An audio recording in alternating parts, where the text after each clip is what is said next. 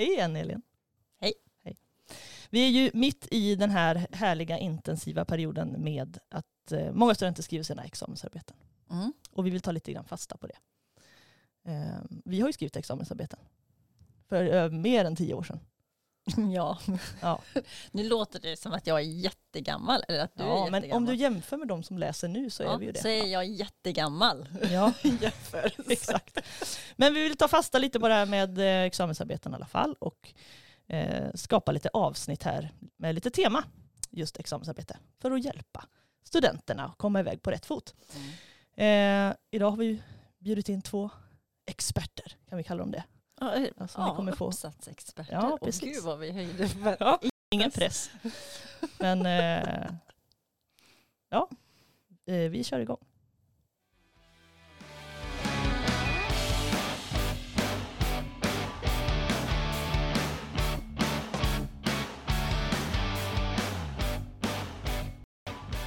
Man blir ju alltid på glatt humör när man får Ja. höra den. Man undrar när den kommer då bytas ut.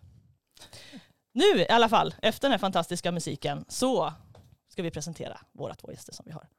Amir och Maria. Ni ska få presentera er själva. Maria, vill du starta? Berätta vem du är. Ja, det kan jag göra. Mm. Eh, Maria Persson heter jag och jag jobbar här på högskolan som eh, skrivhandledare på Språkvingen. Så jag jobbar där tillsammans med sex kollegor och vi eh, undervisar en del akademiskt skrivande, akademisk läsning, retorik, presentationsteknik. Men sen så handleder vi väldigt mycket också. Så man kan boka handledningar hos oss och man kan eh, droppa in på drop-in handledningar och study buddy som kommer att finnas lite då och då under terminerna. Kanon. Amir. Ja, Amir Haibolor heter jag. Jag jobbar som docent inom informatik här på högskolan. Eh, jag forskar och undervisar inom eh, ganska så många olika områden inom informatik, men framförallt är jag också ansvarig för en kurs inom vetenskapligt skrivande där eh, första årets studenter får väldigt tidigt i utbildningen bekanta sig med vad det innebär att tänka vetenskapligt, skriva vetenskapligt och så. Och sen som du själv var inne på Emelie i början här, nu är det en intensiv fas med många C-uppsatser som ska skrivas. Så just nu är det väldigt mycket handledning av C-uppsatser men också även D-uppsatser som ligger på mitt bord. Vilk- Den här kursen som du nämnde, är, är, inom vilken utbildning är det? Eller är det flera olika? Eh, Den kursen som jag är ansvarig för är för studenter inom eh, systemutvecklarprogrammet, alltså SIS-programmet. Mhm. Eh, Framförallt de första årets studenter. Det är ju grymt att det ligger första året. Mm. Man kommer in i det Ja, snabbt. verkligen. verkligen. Eh, och eh, Maria, du är ju skrivhandledare och Amir, du är ju inbjuden här lite som handledare.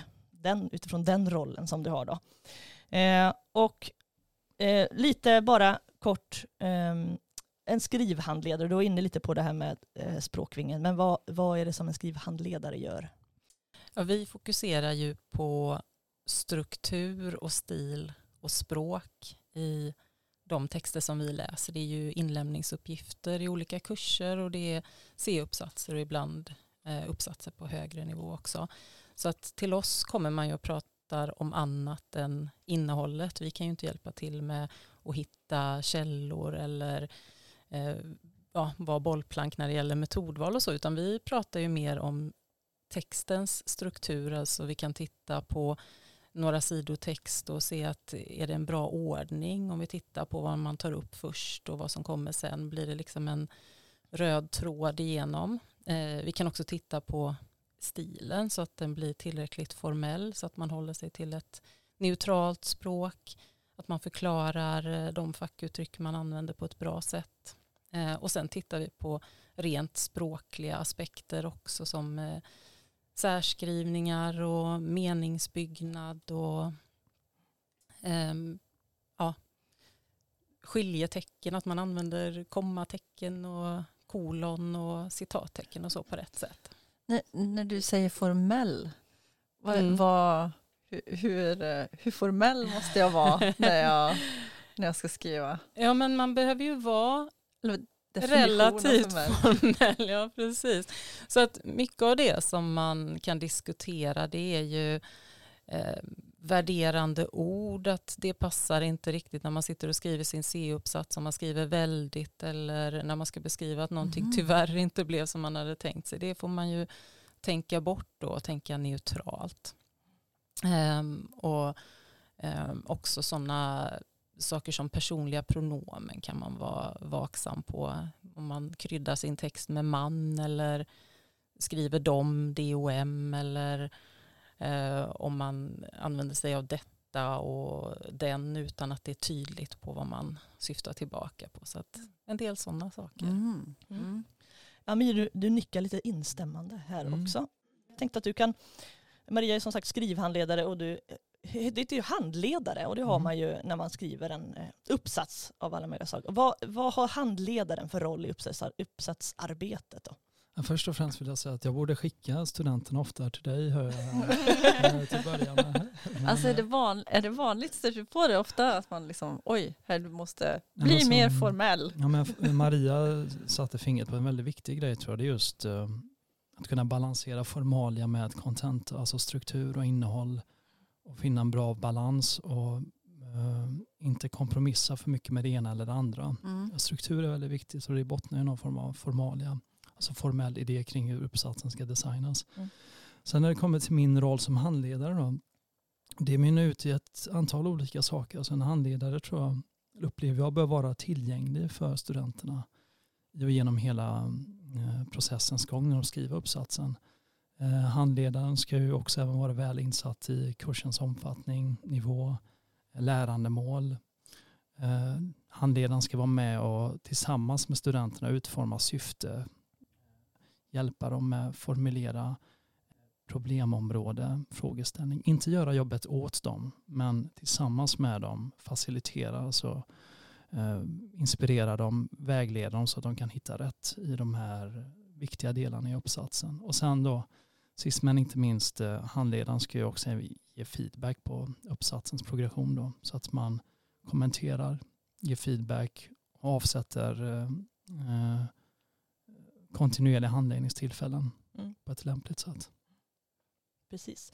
Ehm, jag tänkte också lite kopplat till det här som du säger, att, liksom, att hit- hitta ett syfte och formulera och sådär.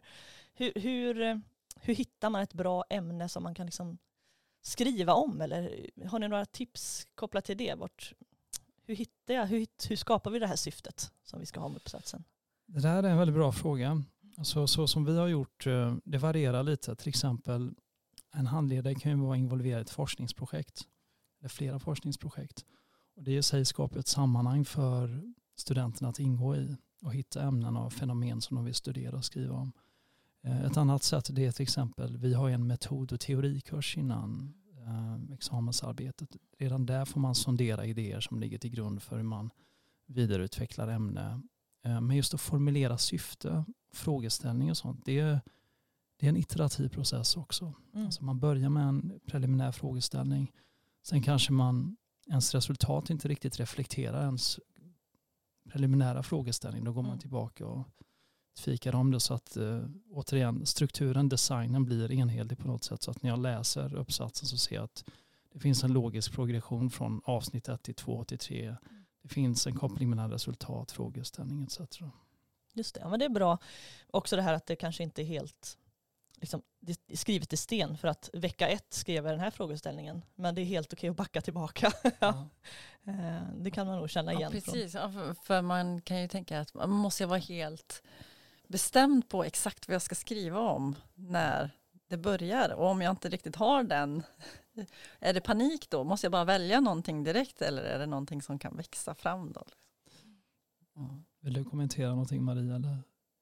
Du? Ja, det som jag satt och tänkte på är ju det här också att eh, ja, nej, men när man letar efter någonting att skriva om så brukar man ofta rekommendera att man ska ta någonting som man är nyfiken på själv och någonting som man känner att det här kan jag hålla på och jobba med under många långa veckor för att det är ju det det blir Mm. också. Så att man inte bara väljer ett ämne för att det är givet och avgränsat utan att man också är sugen på att Mm. jobba med det. Och absolut vara beredd på att det i stort sett aldrig blir som man har tänkt sig men det kommer förmodligen att liksom komma i hamnen då. och bli godkänt till slut. Just det. Det minns jag när jag skrev min, mitt examensarbete. Att det, var ju, det kändes lyxigt också att man, så här, man hade tio veckor och bara grotta ner sig i något som man är jätteintresserad av. Det händer ju liksom aldrig i livet efter det om man inte fortsätter plugga kanske och skriver ytterligare en uppsats. Mm. Men, men det är ju, för mig var det en väldig lyx att verkligen bara hänge sig 100% ja. till ett ämne. Liksom. Vi pratade ju lite om det. Jag hade ju precis tvärtom. Jag hade ju två andra projekt samtidigt också i livet i stort. Jag skulle plugga utomlands och starta företag samtidigt. Så det blev liksom väldigt eh, kaosperiod. Det hade varit att rekommendera att foka på examensarbetet. Jag. Just det. Ja, precis. Att rekommendera. Fokusera jag rekommenderar det. Ja, det är bra. Ja. Eh, och eh, när man ska komma igång då med skrivandet, Maria, du kanske har någon tanke där. Vart, vilken ände ska jag börja? Liksom man sitter där med ett, ett tomt blad. Ja, det finns ju ganska många ändar man kan börja i, men det bästa är att man börjar skriva och att man skriver regelbundet. Jag var på en föreläsning för några veckor sedan när eh, en föreläsare jämförde binge writing och serial writing, just det här att skriva jättemycket på en dag och så sen inte skriva någonting på en vecka och så försöka skriva jättemycket igen jämfört med att skriva lite hela tiden. Och mm, det som lyftes där då var ju att ja, men det här med att skriva mycket vid ett tillfälle, det kanske funkar på en kortare uppgift i en kurs som man har gjort tidigare på utbildningen. Men när man ska hålla på med att få ihop så här många sidor text som det ändå är i ett examensarbete så är det bra att skriva lite hela tiden. Och så får man också vara beredd på att det som man skriver i början det är ju det som vi brukar kalla tankeskrivande. Att man skriver väldigt mycket för sig själv. Man skriver ner idéer, man skriver ner kom ihåg att kolla upp eller man skriver ner en källa eller man sammanfattar kort något som man har läst för att minnas och också få nya idéer. Och man strukturerar kanske sina tankar också på det sättet. Eh, men sen under skrivprocessens gång så måste man ju gå över från det här mer privata språket i tankeskrivandet till ett presentationsskrivande som har en publik då. Så där kan ju också vara en övergång som är lite svår för att det är naturligt att använda lite mer informellt talspråkligt språk när man antecknar i början. Men sen så behöver man ju då bearbeta sin text. Men det är ju precis som Ami pratade om tidigare här med syftet och frågeställningen att det är iterativt men det här skrivandet under en uppsatsomgång det är ju också iterativt. Man kommer tillbaka till sitt utkast man, och man skriver om och skriver om. Man ska ställa in sig lite på att skriva om ja, texter. Ja. Liksom, att inte sådär, nu har jag skrivit den rubriken och det stycket, nu är jag klar. Utan nej, att jag, det gör man förmodligen inte. Nej. Mm. Ja, Ja, ja, både ja och nej skulle jag säga där. Alltså någon gång måste man ju komma vidare och bli klar. ja, just det. Men, eh, men, det är ju inom ramen för kursen då. Mm. Men det som Maria pratar om instämmer jag till också. Alltså i, i allmänna drag så är det en väldigt iterativ process. Och jag tror de här tio veckorna tvingar en till att bli färdig någon gång. Ja. Och mm. avgränsa sig till x antal iterationer som man inte på förhand kan bestämma egentligen. Mm. Så vissa grejer är hugget i sten, till exempel lärandemål, kursmål, formalia i termer av hur en C-uppsats bör se ut, vad det ska bestå av. Men hur man, eh, hur man förmedlar vissa kärnbudskap till exempel i, i C-uppsatsen. Eh, vad är det man vill trycka lite extra på i termer av vad är det som är mitt eller vårt bidrag i det här fallet. Där har man ju lite spelrum att kunna agera utifrån utan att bli för personlig. Då. Mm. Så vissa delar av uppsatsen får ens röst komma fram lite mer. Eh, oftast väldigt sällan, men det finns utrymme för det. Till exempel när man diskuterar resultat i ljuset av teori och liknande. Men oftast är det ju att, att hålla vissa checkpoints, deadlines och se till att bli klar med, med avsnitten som är väldigt utmanande tror jag för studenterna i tid. Då. Jag, jag tänker också ibland eh, när jag själv skriver så kan man liksom nästan fastna i det här liksom, i iterationer. Att man någonstans behöver bara släppa efter ett tag. Eh, men det kanske också är något som man kan liksom använda det stödet som finns i sin handledare eller skrivhandledare att nu, nu är det här, liksom, nu behöver vi ta nästa steg. Eh, att få hjälp med den där, att inte fastna i loopen. Så är det verkligen. Min approach är veckovisa handledningstillfällen. Man sätter upp mål inför varje vecka. Det här ska ni ha åstadkommit. Sen Mm. stämmer vi av och ser hur långt har ni kommit. Så att man jobbar inte enbart iterativt men också även inkrementellt. Alltså man jobbar med inkrement. Man skriver färdigt ett avsnitt och vidare till ett annat. Och så helst försöker jobba så där systematiskt så att man inte går, går vilse i skrivandet. För att vissa avsnitt kräver mer skrivande än andra. Mm. Medan vissa avsnitt kräver mer fokus. Till, med, till exempel frågeställning och syfte. De måste hänga väldigt bra ihop. Då får det inte finnas några logiska motsägelser i termer av vad man säger kring syfte och frågeställning. Så man, jobbar iterativt med inkrementellt, släpper, går vidare och sen tror jag närmast slutet får man göra en helhetsbedömning och se så att alla delar hänger ihop. Och där är, det väldigt viktigt tycker jag som handledare att man går in och läser hela uppsatsen på nytt och ser så att eh, studenterna inte har missat någonting, så att de inte eh, kanske överarbetat något och så vidare. Ja, där, där har du en viktig poäng tänker jag om jag får komma in här emellan. För att eh, det märker vi ibland när vi handleder studenter som skriver C-uppsatser så kanske man frågar att ja, men hur hänger det här ihop och de bara ja just det, det har vi ju flyttat från en annan del av texten eller vi har flyttat det från längre ner i samma kapitel eller från ett annat kapitel och ja just det, nu blir det inte tydligt längre utan då måste vi skriva fram det. Och det är ju väldigt bra om handledaren också kan upptäcka och inte utgå ifrån att eh, kapitlet ser likadant ut som det gjorde för två veckor sedan eller så. Mm. Jag tänkte också ehm, just det här med att komma igång och liksom uppstartsfasen. Är det något som, ehm, som du Amir, när du möter de här uppsatsparen som det ofta är liksom första gångerna, har du något, någon vanlig så här, fälla som, de, som, liksom, som många ramlar i eller ser det väldigt olika ut? Eller? Ja, alltså jag tror det här med fällor är både viktigt att tänka på som student men också även handledare. Ja. För studenter är det just det här med skrivkramp som är en, eh, en bromskloss. Eh, Handledaren måste ju ge dem en spark i baken ibland för att de ska komma igång. Men just att eh, kunna sätta upp mål, Mm. delmål och vara väldigt konkret och specifik med vad är det vi ska åstadkomma den här veckan Mm. inför nästa vecka så att man har någonting att titta tillbaka till.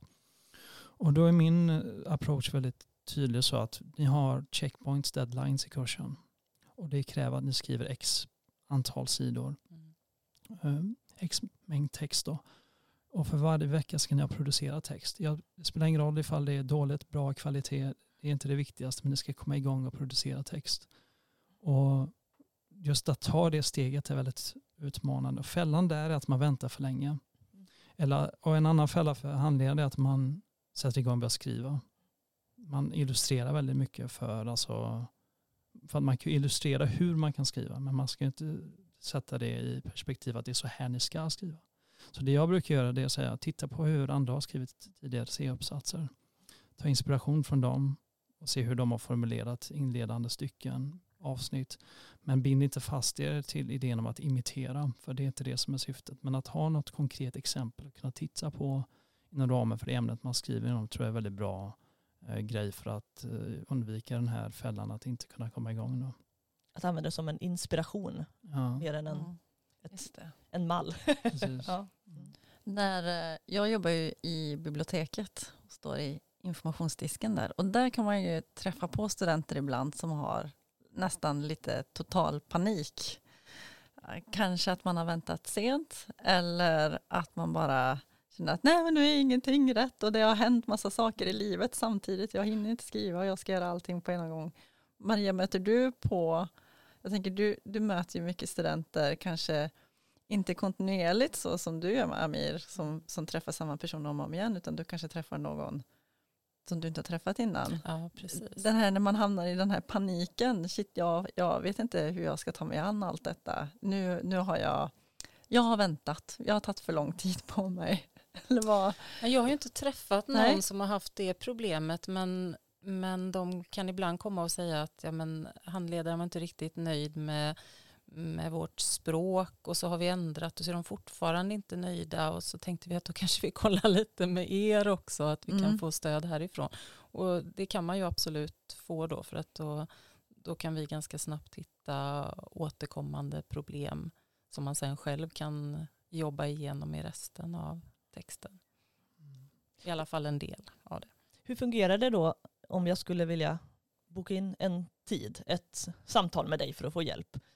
Läser du hela min uppsats då eller delar av Det den? Eller varit härligt, ja, eller? vart, hur, hur funkar Nej, det Vi liksom? brukar säga att vi läser ungefär två sidor noga och sen så kan man ju skumma över och titta lite grann på innehållsförteckningar och man kan skumma referenslistor och sådär eh, för att ja, kanske upptäcka något extra som man kan säga. Men fokus är liksom på två sidor text ungefär.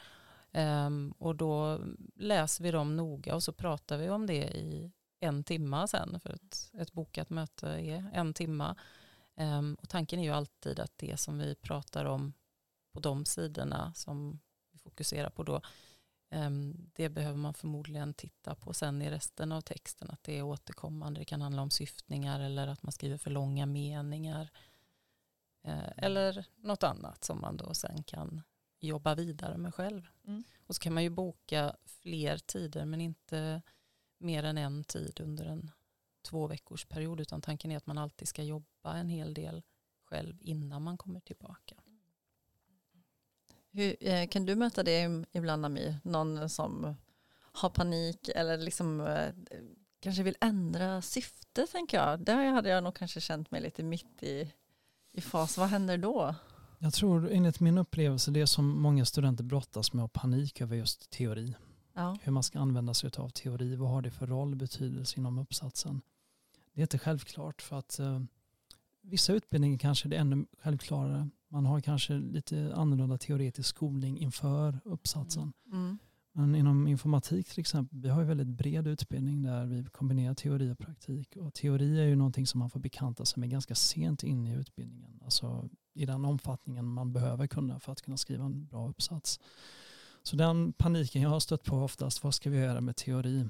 Hur ska vi använda teori? Mm. Hur kan man ens Mm. använda en teori på tio veckor och så vidare? Det brukar oftast lösa sig med några samtal.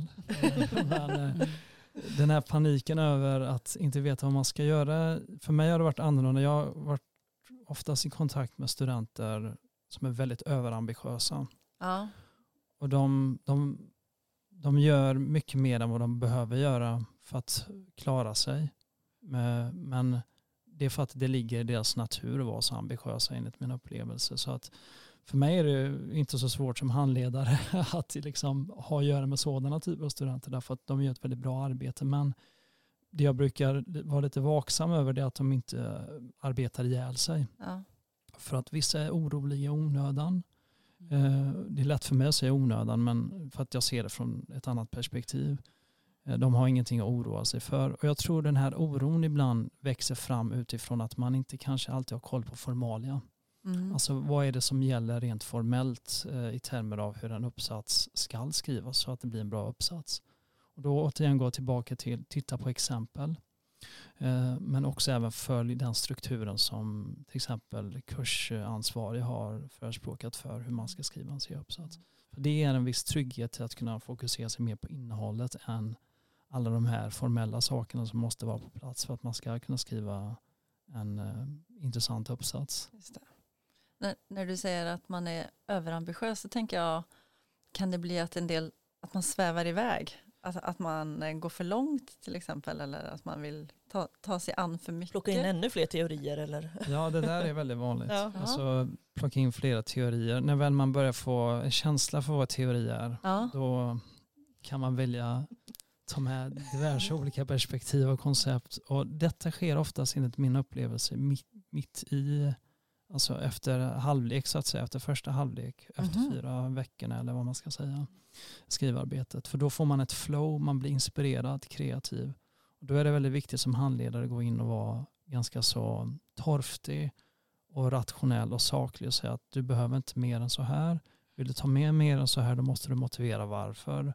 Inte enbart för mig men i skrift också så att det blir klart och tydligt. Och då ser man oftast att studenterna börjar tänka om att aha, men jag kanske inte behöver ha med fyra olika teorier, det kanske räcker med en. Det. det där känner jag igen från när, när vi skrev vår uppsats. Ja. Vi, vi var, vi, det var nog kanske halvlek, det känns som att du berättade min, vår story. Vi blev jätteinspirerade och kände bara nu plockar vi in, kolla det här kan vi se och det här kan vi liksom, och, och vår handledare här, vänta här nu, stopp, stopp och belägg. Och då var, så att hon tog ner oss lite grann på jorden och sa liksom, liksom, ni behöver inte, det, det är fortfarande ett relativt litet arbete som ska göras. Men som sagt, man får flow och man känner sig inspirerad. Och så, så att jag vet att vi bara så strök ett par sidor som vi hade skrivit. Nej men nu är vi på väg liksom. Finns Det det, är någon... intressant men det här är någon annans uppsats. Det är en Mm. till, det är en annan. Det är en. Ja, just det. men eh, ja det kan jag verkligen känna igen. Fin- Finns det någon sån här, eh, lite kan man känna igen mönster hos studenterna sådär att ja men först är det bara jag vet inte vad jag ska göra, sen jag kan göra allt och sen Olika faser tänker ja. du? Det varierar tror jag från student till student. Ja. Min upplevelse är att eh, studenterna är oftast duktiga, vilket underlättar livet för mig som handledare. Men för dem blir det att de vet inte hur man ska kanske alltid balansera arbetet så att de inte, eh, vad ska man säga, går vilse i skrivandet. Eh, Mm. Skrivkramp har oftast inte varit något problem utifrån de eh, studenter jag har handlat. Men just det här med att vilja baka in flera ämnen i en och samma uppsats. Det är ingen avhandling man ska skriva. Och då är det väldigt viktigt som handledare att man verkligen tar fasta vid faktum att det är ingen avhandling. Det är ingen D-uppsats, det är en C-uppsats. Och då måste det finnas utrymme för att man kan sympatisera med att kanske det här med teori är inte det absolut viktigaste i en C-uppsats att få med på samma sätt som en avhandling. Mm. Att man ställer annorlunda typer av krav och veta vilka krav som ställs på en och kunna konkretisera det för studenter som handleder tidigt tror jag underlättar för dem att inte ha dessa toppar och dalar under genom hela uppsatsen. Men sen är det så, kreativa studenter, de, det, det är omöjligt att säga att du måste göra si och så för att det ska bli den här uppsatsen. Utan man får vara, som handledare får man vara motor och en bollplank men också även en sån som en gatekeeper som säger att du behöver inte göra mer än det här nu. Nej. kan sova gott om nätterna, det är okej. Mm. Liksom. Hur, hur får jag veta det om jag, jag har aldrig skrivit en C-uppsats förut? Jag, jag vet inte vilken nivå jag ska lägga mig på det här. Vad, vad är kraven? Eller vad är, liksom, vad är grunden för en C-uppsats? Det är det här. Skulle vi bara kunna ta det lite grann och definiera det? Det är ju kursansvarig examinator som börjar med de inledande faserna i kursen att eh, synliggöra det. Tänker Mm. jag. Det är väldigt viktigt. Och sen att handledaren påminner studenterna om det. Så att vi har samma budskap och narrativ. Just det. Eh, Det som är jobbigt tror jag för en student är att ifall jag säger en sak, kursansvarig säger en annan sak, Mm. den tredje läraren säger en tredje Mm. sak. Mm. Det, blir, det kan skapa lite oro tror jag. Ehm, jag tänkte också bara återkoppla lite till det här med att läsa hur andra har skrivit och läsa andra ehm, uppsatser som andra har skrivit innan. För lite inspiration. Det finns, använd bibliotekets olika sökfunktioner. Det finns ju också Diva-portal Mm. där det finns gamla Ja. uppsatser man kan Ja. gå in och titta på. Ja, Så det är väl ett, ett tips också att gå in och, och söka och, ehm, och hitta inspiration till kanske till sitt eget ämne men också inspiration till upplägg och så. Det finns mycket bra att hämta på biblioteken. Mm, ja, Diva är ju bra i den. Mm. Mm. Ehm, har ni några tips lite sådär? äh, Just det här kopplat till planering och att sätta mål och, och kanske göra liksom en tids, tidsplan och så. Ehm, har ni några tips på verktyg man kan använda för att göra det? Maria, har du några sådana? Eh, En del använder ju sådana här Gantt-scheman. Mm. Eh, Så det kan man ju googla upp. Mm. Det finns ganska mycket sånt Ja. eh, gratis på nätet. För då får man en eh, tydlig bild av när olika faser ska påbörjas och när de ska vara klara och vilka arbeten som sker parallellt och vad som följer på något annat. Så kan man också se, om man är flera som skriver, så kan man se vem som gör vad, när. Just det. Ja. För att vara forskare inom informatik så är jag ganska så old school när det kommer till verktyg måste jag säga. Ja. Anteckningar funkar bra. Mm. Ja. Men eh, alltså två verktyg som tror jag, ett som underlättar för att dela skrivandet det är ju molntjänster som Mm. Google Docs till exempel eller Dropbox att eh, vi alla kan jobba mot en och samma synkade version av en text som Mm. studenten skriver på. En annan grej som är bra för brainstorming det är sådana här mindmapping-verktyg som MindMeister, alltså där man kan skapa en modell med olika ska man säga, klossar och liknande, så figurer som symboliserar olika idéer man har som man skapar relationer mellan för att få se en övergripande bild eller ett övergripande schema på hur är det jag tänker inledande, alltså Mm. kring de olika delarna i uppsatsen, vare sig det är idé kopplat till teori. Och det är ett bra sätt för att synliggöra vad man tänker så man inte bara går och bär dem på idéerna i huvudet så att säga. Och det kan man dela med sig både till studenterna, alltså till de man skriver ihop med men också även till handledare. Då. Just det. Vad, vad sa du att det hette? Mind? Mindmeister. Meister. Vi Ja. lägger länk. Ja. Ja. Länk det. Men det är ju bra också för ibland kan det ju vara så att man inte eh, det kan ju vara ett sätt att också uttrycka för sin uppsatspartner. Så här tänker jag. Och så här att kunna visualisera det på ett bra sätt. För ibland så inser man längre, lång, långt in i processen att vi har helt olika, liksom, man har tagit för givet att man tänker lika men det kanske man inte gör. Så det är väl också en bra grej att göra för att förstå varandras liksom, Ja. inställning och tankesätt. i- Visualisera sina tankar. Ja, Mm. precis. För en gång skulle ha faktiskt jag ett tips. Mm. för en gångs skull. gångs skull. Är jag inte bara frågande i det här programmet. Men när man ska skriva så vet jag att eh, när man använder Word eller Google Docs eller eh, alla Pages, alla olika möjliga ordhanteringsprogram. Jag vet inte om du stöter på det en del Maria, men eh, jag vet att det är ofta problem med vilken programvara man ska använda och att man Mm. gärna rekommenderar Word. Skriv i vanliga Word där alla funktioner finns och fungerar. Man vill inte få problem med sidnummer, det sista som händer Mm. eller eh, Ja, och där kan man ju få mycket stöd med grammatik och stavning också, även om Ja. man inte kan lita blint på programmet så, så kan man ofta bli uppmärksammad på sånt. Sen en sak till som jag tänker på är ju att istället för att sitta och läsa sin egen text som man blir lite blind för eftersom man vet vad man menar så kan det vara bra att lyssna på den och det funkar ju också i Word att man tar Mm. läs högt, read aloud och så, och så kan man markera ett eller några stycken och så sitter man och lyssnar på sin text och tänker man, Va?